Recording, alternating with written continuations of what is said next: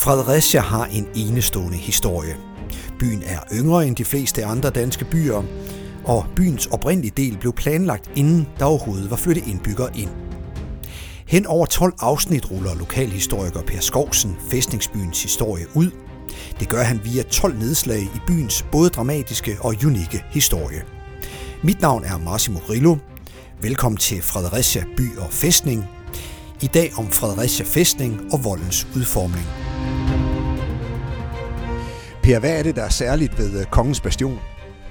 Kongens Bastion er den bastion, der er højst. Vi er nu 15 meter over byens gadeplan, øh, og Kongens Bastion er en af de syv bastioner, som oprindeligt opgav byen. Der var syv hele bastioner og to halve bastioner ud mod vandet. Fæstningen blev opbygget efter den byggeteknik, som man i 1600-tallets begyndelse brugte i blandt andet Italien og Nederlandene. Denne befæstningstype kendetegnedes ved brug af store græsklædte jordvolde og brede vandfyldte grave. Således havde man et dybt forsvar, der ikke var så sårbart over for beskydning fra kanoner som for eksempel stenmure.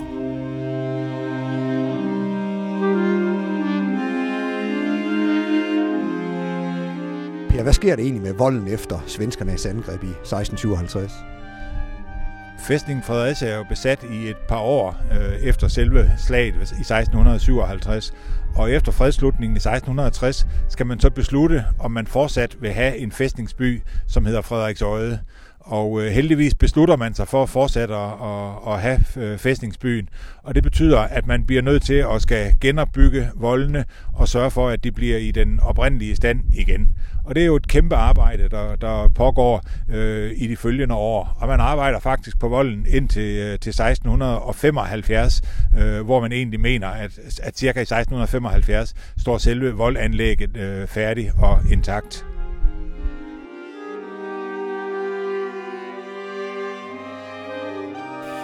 Mod land blev der bygget syv hele og to halve bastioner. Strækningen var på knap 2 km, og voldanlægget med grav fyldte i alt 103 hektar. Mod de to vandsider blev der bygget en noget svagere befæstning.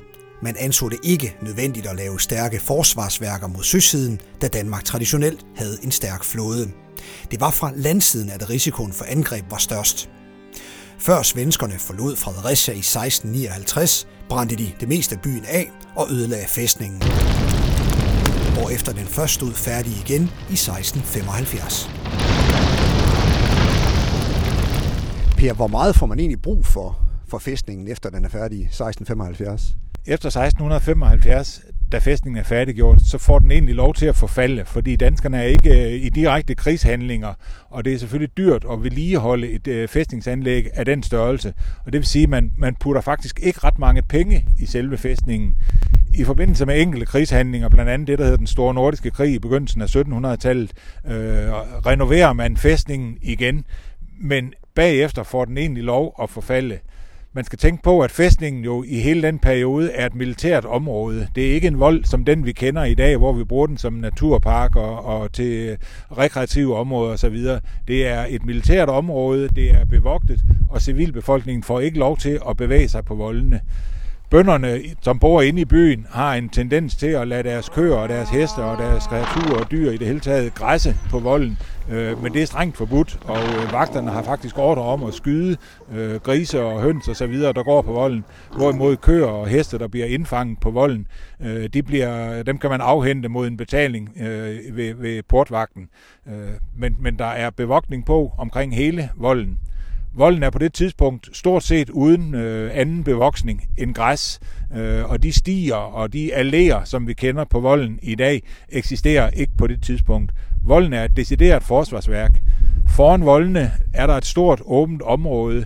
Det skulle ikke være sådan, at en fjende havde mulighed for at gemme sig i øh, huse eller bag træer osv. Og det vil sige, at hele området uden for voldgraven Øh, det er, er øh, et fladt område, hvor der ikke er bebyggelse eller bevoksning af nogen art inden øh, bag ved voldene øh, må der, er der ikke nogen bygninger, der må rage op over voldens højde. Det må ikke være sådan, at en fjende, der kommer frem mod volden eller mod fæstningen Fredericia, navn Fredericia får den i 1661, øh, fordi Frederiks Øde øh, blev faktisk på et tidspunkt benævnt Frederiks Øde, og det solgte ikke så forfærdeligt mange billetter til folk, så derfor så gav man den det latinske navn Fredericia. Men det måtte ikke være sådan, at en fjende kunne se øh, bygninger eller have sigtemærker, kirketårne og den slags øh, inde bag ved voldene, og derfor er byens kirker også uden tårne, øh, også den dag i dag. I årene efter nederlaget ved Dybøl i 1864 indså man, at tiden var løbet fra jordvolde som forsvar, og fæstningen blev derfor nedlagt efter et forsvarsforlig i 1909. I 1914 købte Fredericia Kommune voldterrænet, der herefter blev fredet i 1917, blandt andet efter en stor indsats af Nationalmuseets leder, Hugo Mathisen. Han var født og opvokset i Fredericia. Per, nu har øh, volden altså ikke længere en forsvarsteknisk betydning, men hvor stor en betydning havde den ved slaget i 1849?